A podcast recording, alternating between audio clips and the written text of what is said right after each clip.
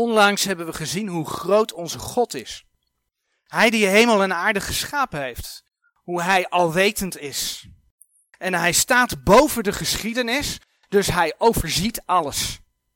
En kan daardoor de geschiedenis leiden. Bijvoorbeeld tot in de kleine details van het leven van Jozef. Zo hebben wij een, een wonderlijk boek, Gods Woord. Waarin de Heer vanuit zijn perspectief de geschiedenis gegeven heeft. Ja, en veel meer dan die geschiedenis. Als we zien wat de Heer gegeven heeft in zijn zoon, dan zien we hoe groot en hoe trouw hij is.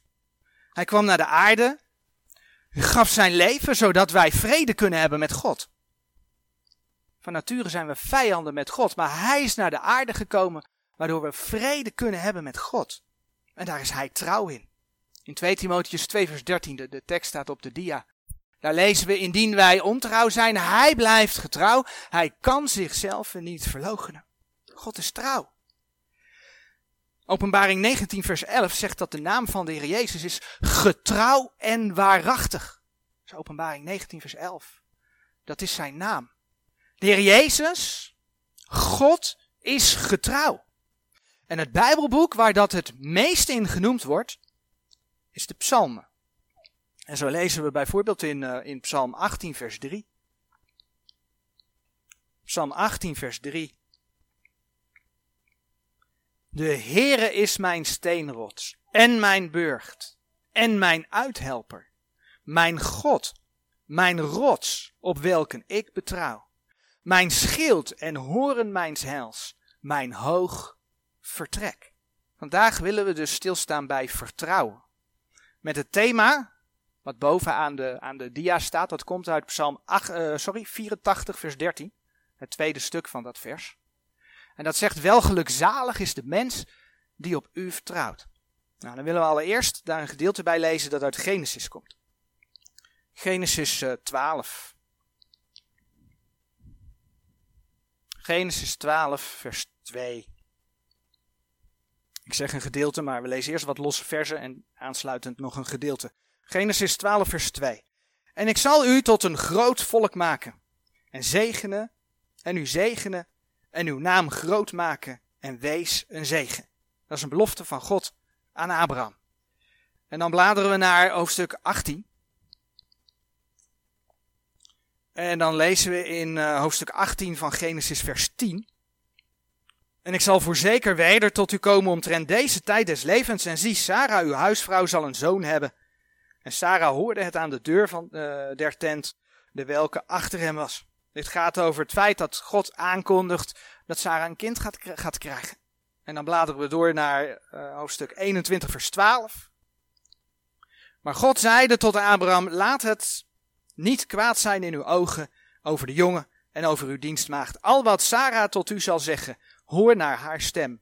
Want in Isaac zal uw zaad genoemd worden. En dan lezen we verder een stukje vanaf vers, hoofdstuk 22, vers 1. En het geschiedde na deze dingen dat God Abraham verzocht.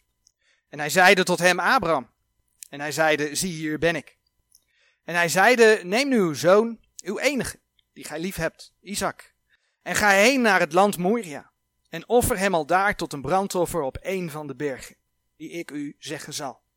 Toen stond Abraham des morgens vroeg op en zadelde zijn ezel en nam twee van zijn jongens met zich, en Isaac zijn zoon. En hij kloof de hout tot het brandoffer, en maakte zich op en ging naar de plaats die hem God gezegd had. Aan de derde dag, toen hief Abraham zijn ogen op en zag die plaats van verre. En Abraham zeide tot zijn jongens, blijft gij hier met de ezel, en ik en de jongen zullen heen gaan tot daar. Als wij aangebeden zullen hebben, dan zullen wij tot u wederkeren. En Abraham nam het hout des brandoffers en legde het op Isaac, zijn zoon. En hij nam het vuur en het mes in zijn hand, en zij beiden gingen tezamen. Toen sprak Isaac tot Abraham, zijn vader, en zeide, mijn vader. En hij zeide, zie hier ben ik, mijn zoon. En hij zeide, zie het vuur en het hout. Maar waar is het lam tot het brandoffer? En Abraham zeide, God zal zichzelf een lam ten brandoffer voorzien, mijn zoon. Zo gingen zij beiden tezamen. En zij kwamen ter plaatse die hem God gezegd had. En Abraham bouwde al daar een altaar. En hij schikte het hout en bond zijn zoon Isaac en legde hem op het altaar boven op het hout. En Abraham strekte zijn hand uit en nam het mes om zijn zoon te slachten. Maar de engel des Heren riep tot hem van de hemel en zeide, Abraham, Abraham. En hij zeide, zie, hier ben ik. Toen zeide hij, strek uw hand niet uit aan de jongen en doe hem niets. Maar nu weet ik dat gij Godvrezende zijt en uw zoon, uw enige, van mij niet hebt onthouden. Toen hief Abraham zijn ogen op en zag om. En zie, achter was een ram in de verwarde struiken, vast met zijn hoornen. En Abraham ging en nam die ram en offerde hem ten brandoffer in zijn zoons plaats. En Abraham noemde de naam van die plaats, de Heere zal het voorzien. Waarom heden ten dagen gezegd wordt, op de berg des Heren zal het voorzien worden. Nou, in de versen 15 tot en met 18 lees je dan eh, dat de Heere beloofde Abraham hier ook om te zegenen. Allereerste vraag. Waar vertrouwen mensen zoal op? Nou, dat is best veel. Dat kan eigenlijk ja, alles zijn. En dan zegt de Heer tegen het volk Israël, en dat zoeken we op in Deuteronomium 32, vers 37, eh, het volgende. Deuteronomium 32, vers 37. Dan zal hij zeggen, waar zijn hun goden, de rotstenen op welke zij betrouwden? Israël ging de vreemde goden van de volken achterna. Goden gemaakt door mensen die niets konden. Oftewel valse rotstenen. want het wordt hier ook een rotsteen genoemd. Dat is een valse rotsteen. Het was ijdelheid. Terwijl de levende God hen zoveel mooie beloften had gegeven. De God van trouw. De God die zijn woord uitvoert, die zijn, die zijn woord doet. Maar ja, ook wij kunnen afgoden hebben. datgene wat tussen ons en de Heer in komt te staan. Dat we ons vertrouwen op andere dingen stellen. De Heer zegt bijvoorbeeld uh, een paar bladzijden terug in Deuteronomium 28 tegen Israël.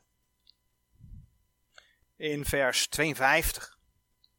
En het zal u beangstigen in al uw poorten, totdat uw hoge en vaste muren nedervallen op welke gij vertrouwdet in uw ganse land. Ja, het zal u beangstigen in al uw poorten, in uw ganse land, dat u de Heere uw God gegeven heeft. Israël bouwde grote steden, compleet met stadsmuren, poorten. En ze deden dat voor de veiligheid. Nou, daar hadden steden toch stadsmuren voor. Ze vertrouwden daarop. Maar ze vertrouwden dus niet op de Heere. Nou, dat is vandaag de dag niet anders. In Psalm 20. Psalm 20, vers 8. Deze vermelden van wagens en die van paarden. Maar wij zullen vermelden van de naam des Heeren onze Gods. Volken willen sterk zijn. En dus spreken ze over de grootte van hun legers. En ze rekenen niet met de Heere God. Maar David u zegt dus, maar wij zullen vermelden van de naam des Heeren onze Gods legersystemen falen. Sterker nog, legersystemen brengen een hoop ellende op deze aarde teweeg. En dat er wel er één trouw is. Hè, op hem. Uh, andere teksten die je daarbij zou kunnen zoeken zijn uh, Psalm 44 vers 7 en Spreuken 21 vers 31. Dat mensen het van hun kracht, van hun wapens die zij maken, verwachten. Daar vertrouwen ze op voor veiligheid. Maar wij zullen vermelden van de naam des Heren, onzes Gods bladeren we door naar Jeremia, Jeremia 7, vers 8.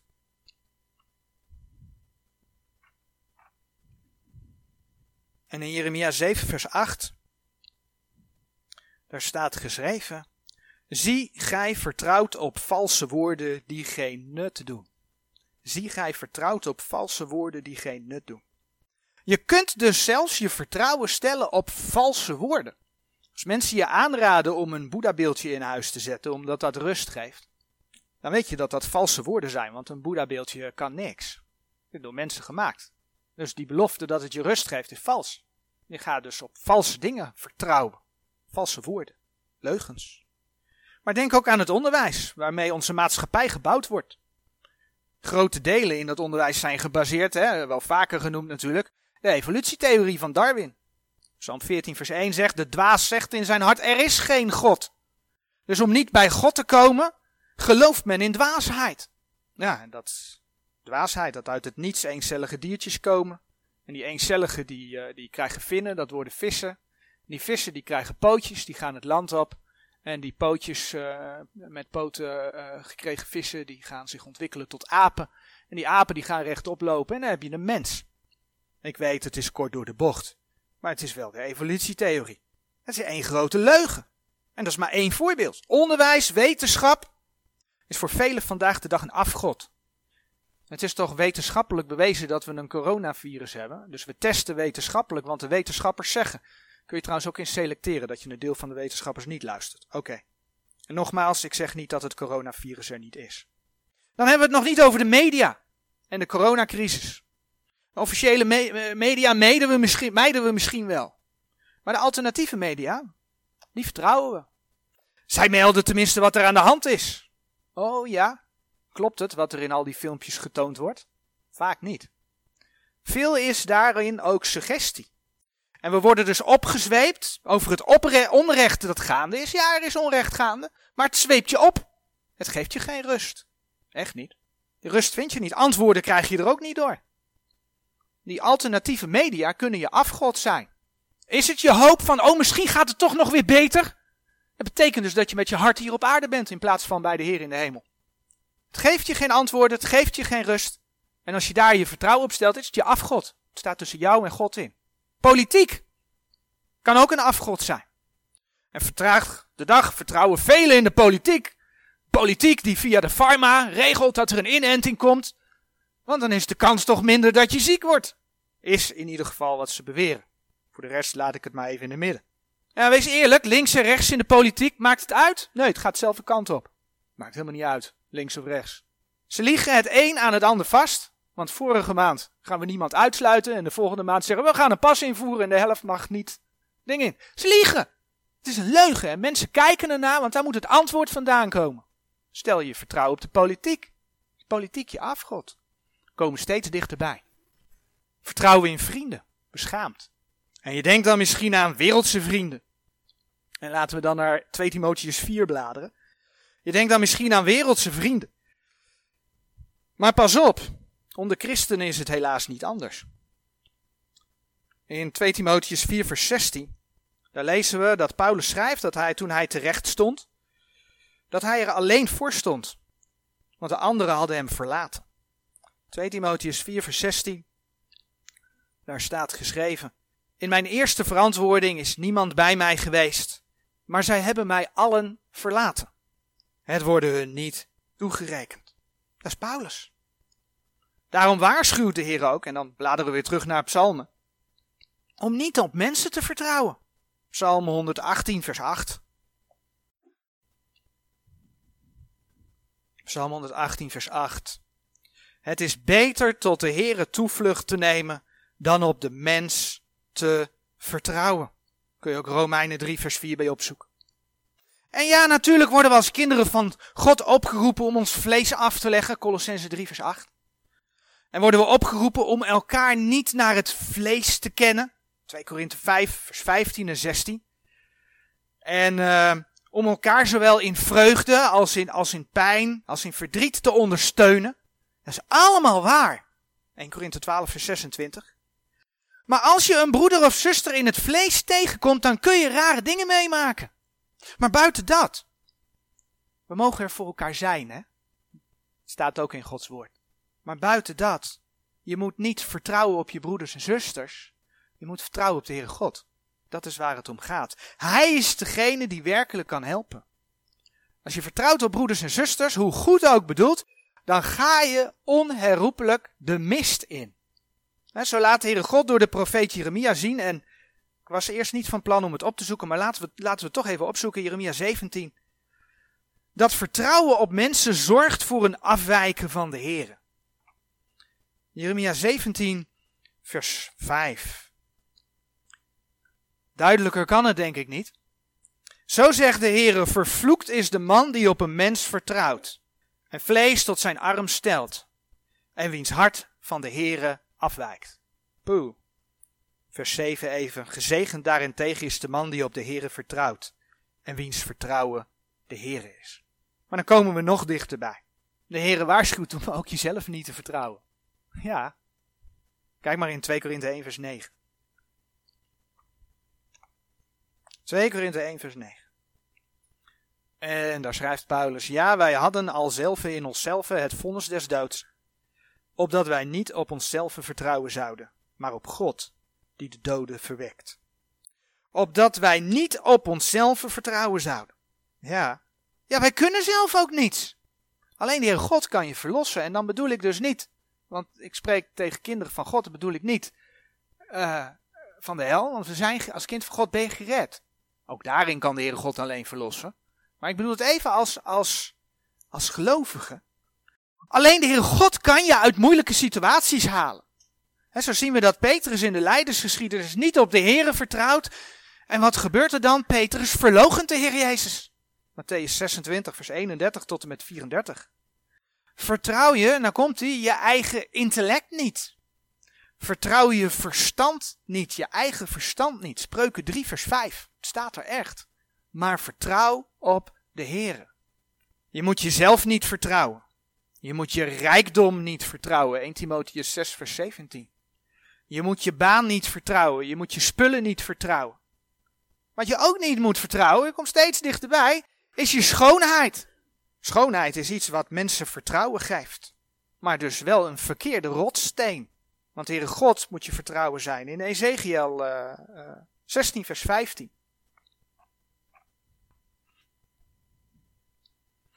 Daar lezen we over Israël. Maar gij hebt vertrouwd op uw schoonheid en hebt gehoereerd vanwege uw naam. Ja, hebt uw hoerijen uitgestort aan een ieder die voorbij ging. Voor hem was zij. Het was overigens de schoonheid die de Heer gegeven had hoor. Kijk maar in vers 14. Maar Israël vertrouwde niet op God, maar op haar eigen schoonheid. Ze vertrouwde op haar schoonheid en ging hoereren. Maar zo is het vandaag de dag toch ook? Laten we wel zijn, hoe gaat het onder de mensen? Onder jongeren, maar volwassenen net zo goed. Je maakt je toch mooi om voor de ander op te vallen, dus je vertrouwt erop hoe je eruit ziet. Het liefst wil je er even iets beter uitzien. Ja, en sorry voor de dames dat ik het zeg, maar ook opmaken heeft daarmee te maken. Want ergens ben je dus niet tevreden met hoe de Heer God je gemaakt heeft. En als we dan in Spreuken 31 vers 30 kijken.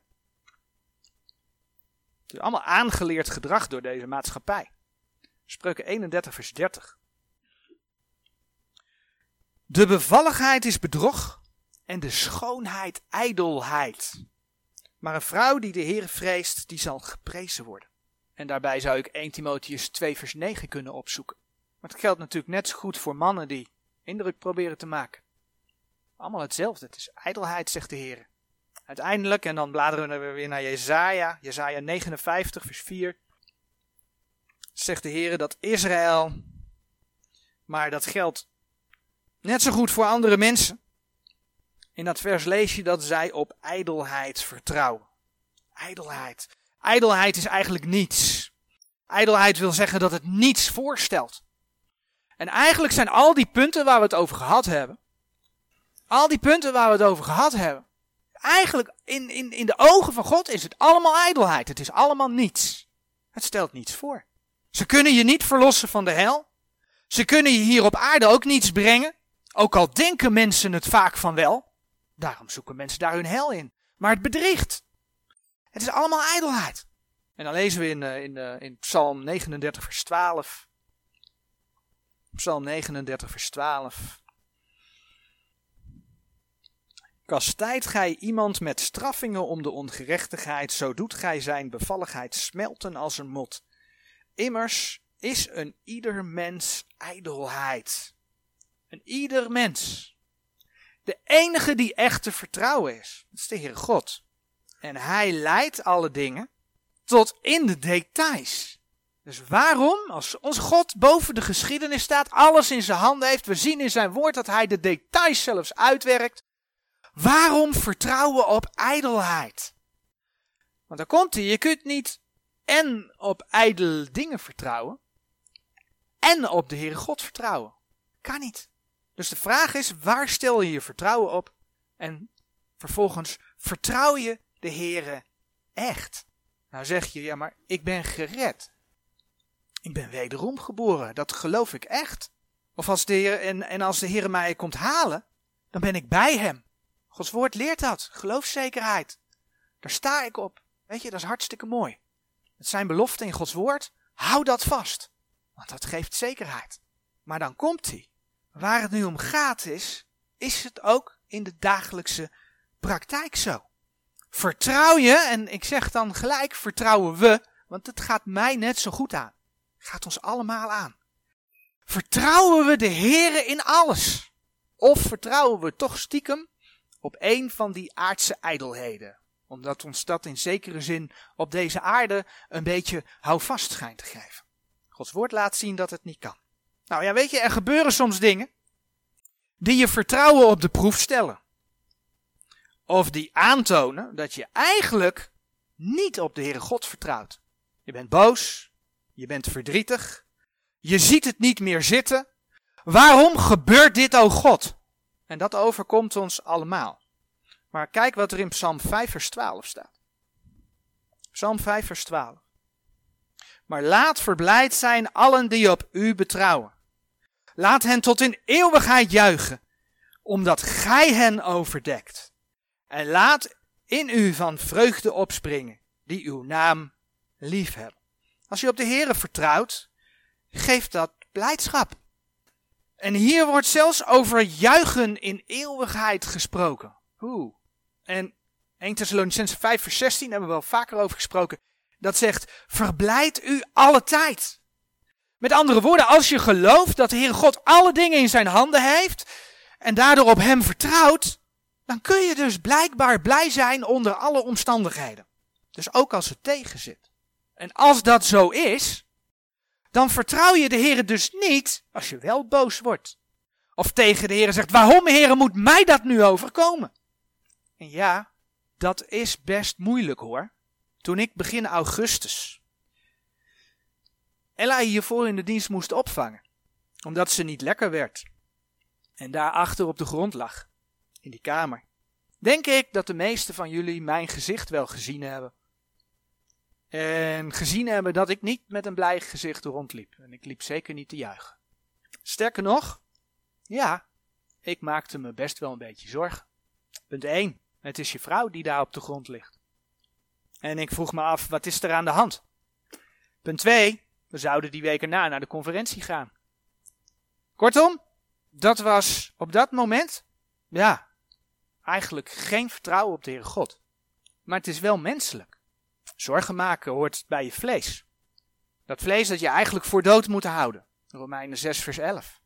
door de zorgen vertrouw je er niet op dat de Heere God, en dan komt hij, zelfs alle details in de geschiedenis stuurt. Hij weet ervan als er dingen gebeuren. Hij heeft er een bedoeling mee. Zien we niet altijd, maar hij heeft er een bedoeling mee. Zelfs als de dingen anders gaan dan je denkt, dan het zou moeten gaan. Maar weet je, dan weet je dus dat je op dat moment geen vertrouwen hebt. Het is wel heel goed om dat te onderkennen. Om het te onderkennen. Te weten dat de Heer je oproept om Hem totaal in alle dingen te vertrouwen. En te weten dat dat vlees van je, dat dat je zorgen kan laten maken. Als je dat onderkent, dan kun je het namelijk ook beleiden. Dan kun je zeggen, Heere God, u hebt mij gezien. En u hebt gezien dat ik me zorgen maak. U kent de nood die op dit moment ontstaat.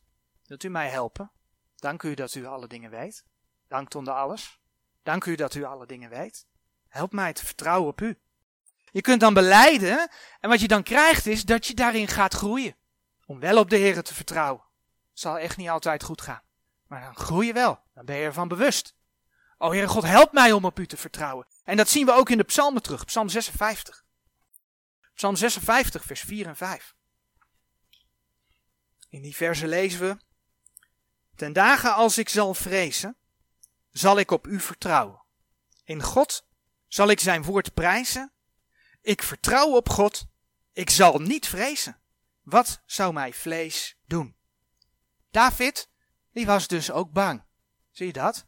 Maar toen hij dat onderkende, richtte hij zich op de Heer. Vers 4. Ten dagen als ik zal vrezen, David heeft door dat hij voor dingen bang is. Ten dagen als ik zal vrezen, wat gaat hij dan doen? Zal ik op u vertrouwen? Hij moet zich er bewust van zijn dat hij op de Heere moet vertrouwen als het moeilijk wordt. Maar dat leidde ertoe dat hij dus ook vers 5 kon zeggen. In God zal ik zijn woord prijzen. Ik vertrouw op God. Ik zal niet vrezen. Wat zou mij vlees doen? Hij merkte dat hij bang werd. Hij richtte zich daarmee op de Heer. Want op de Heer mocht hij vertrouwen. En dat leidde ertoe dat hij zei: Ik vertrouw op God. Ik zal niet vrezen. Vanmorgen hebben we over Abraham gelezen. En in Genesis 12, vers 12, en ik lees die belofte nog een keer voor, kreeg Abraham die mooie belofte. En ik zal u tot een groot volk maken en u zegenen en uw naam groot maken en wees een zegen. En de Heer had duidelijk gemaakt, gezegd, dat hij de zegen door Isaac zou laten heen gaan. Dat lees je in Genesis 21, vers 12. Dat vers hebben we vanmorgen ook al gelezen. En in de Bijbel lees je dan onder andere in Genesis 15, vers 6 dat Abraham God geloofde. Dus Abraham vertrouwde de Heere God op wat hij gezegd had. En nee, Abraham was niet volmaakt, hebben we ook wel eens gezien. Maar in deze geschiedenis zien we een heel mooi voorbeeld hoe Abraham God geloofde. Maar toen kwam diezelfde God tot Abraham en gaf hem de opdracht die we in Genesis 22 vers 2 gelezen hebben. En hij zeide, neem u nu uw zoon, uw enige, die gij lief hebt, Isaac, en ga heen naar het land Moria, en offer hem al daar tot een brandoffer op een van de bergen die ik u zeggen zal. God had hem beloofd tot een groot volk te maken. God had gezegd, je krijgt een zoon uit Sarah. En God had gezegd, door die zoon ga ik mijn zegen verder geven. En dan komt God en zegt, offer die zoon. Poeh. Als Abraham op dat punt was gaan filosoferen, dan was hij in de put gezakt. Want dan had hij gedacht dat de belofte ten einde was gekomen. Want die zoon die voor nageslacht zou zorgen, moest hij nu gaan offeren. God waarom? De weg lijkt totaal anders te lopen dan je op grond van de belofte zou verwachten. Maar het mooie is dat je in die geschiedenis niet leest dat Abraham in de put was. Abraham bleef vertrouwen op de Heere God. Zelfs tot op het moment dat hij Isaac zou doden. Want als de engel des Heren niet tussen beiden was gekomen, dan was Isaac gestorven. Genesis 22, vers 10 tot en met 12. Maar Abraham was het gewoon van plan. In vertrouwen op God. Maar Abrahams vertrouwen was zo groot dat hij wist dat de Heer zijn zoon kon laten opstaan. En dat blijkt zelfs al, we gaan het zo in Hebreeën lezen, maar dat blijkt zelfs uit de tekst in Genesis 22. In vers 5 zegt hij tegen de jongens die achterblijven het volgende. En Abraham zeide tot zijn jongens, blijft gij hier met de ezel, en ik en de jongens zullen heen gaan tot daar. Als wij aangebeden zullen hebben, dan zal ik tot u wederkeren. Hé, hey, nee, dat staat er niet. Dan staat er, dan zullen wij tot u wederkeren. Abrahams geloof was zo groot dat hij dit zei. Terwijl hij wist dat hij zijn zoon ging offeren. In deze geschiedenis zien we dat Abraham God totaal vertrouwde. En dat dit zo was, ik noemde net Hebreeën, we gaan het even opzoeken, Hebreeën 11. Dat staat ook geschreven. Hebreeën 11 vers 17 tot en met 19. Door het geloof heeft Abraham als hij verzocht werd Isaac geofferd. En hij die de belofte ontvangen heeft, heeft zijn enige geborene geofferd. Tot de welke gezegd was, in Isaac zal u het zaad genaamd worden, overleggende dat God machtig was hem ook uit de doden te verwekken, waaruit hij hem ook bij gelijkenis wedergekregen heeft. Zo vertrouwde Abraham op de Heer God. En dan lezen we in Genesis 22, Genesis 22, vers 13 en 14. Toen hief Abraham zijn ogen op en zag om en zie, achter was een ram in de verwarde struiken, vast met zijn hoornen. En Abraham ging en nam die ram en offerde hem ten brandoffer in zijn zoons plaats. En Abraham noemde de naam van die plaats, de Heere zal het voorzien. Waarom heden te dagen gezegd werd, op de berg des Heren zal het voorzien worden. Abraham wist niet dat dit zou gebeuren. Dat wist hij niet. Het liep anders dan hij dacht. Want hij dacht dat uit Isaac een groot volk geboren zou worden. Maar hij vertrouwde God en de Heere voorzag. En dat is vandaag de dag niet anders.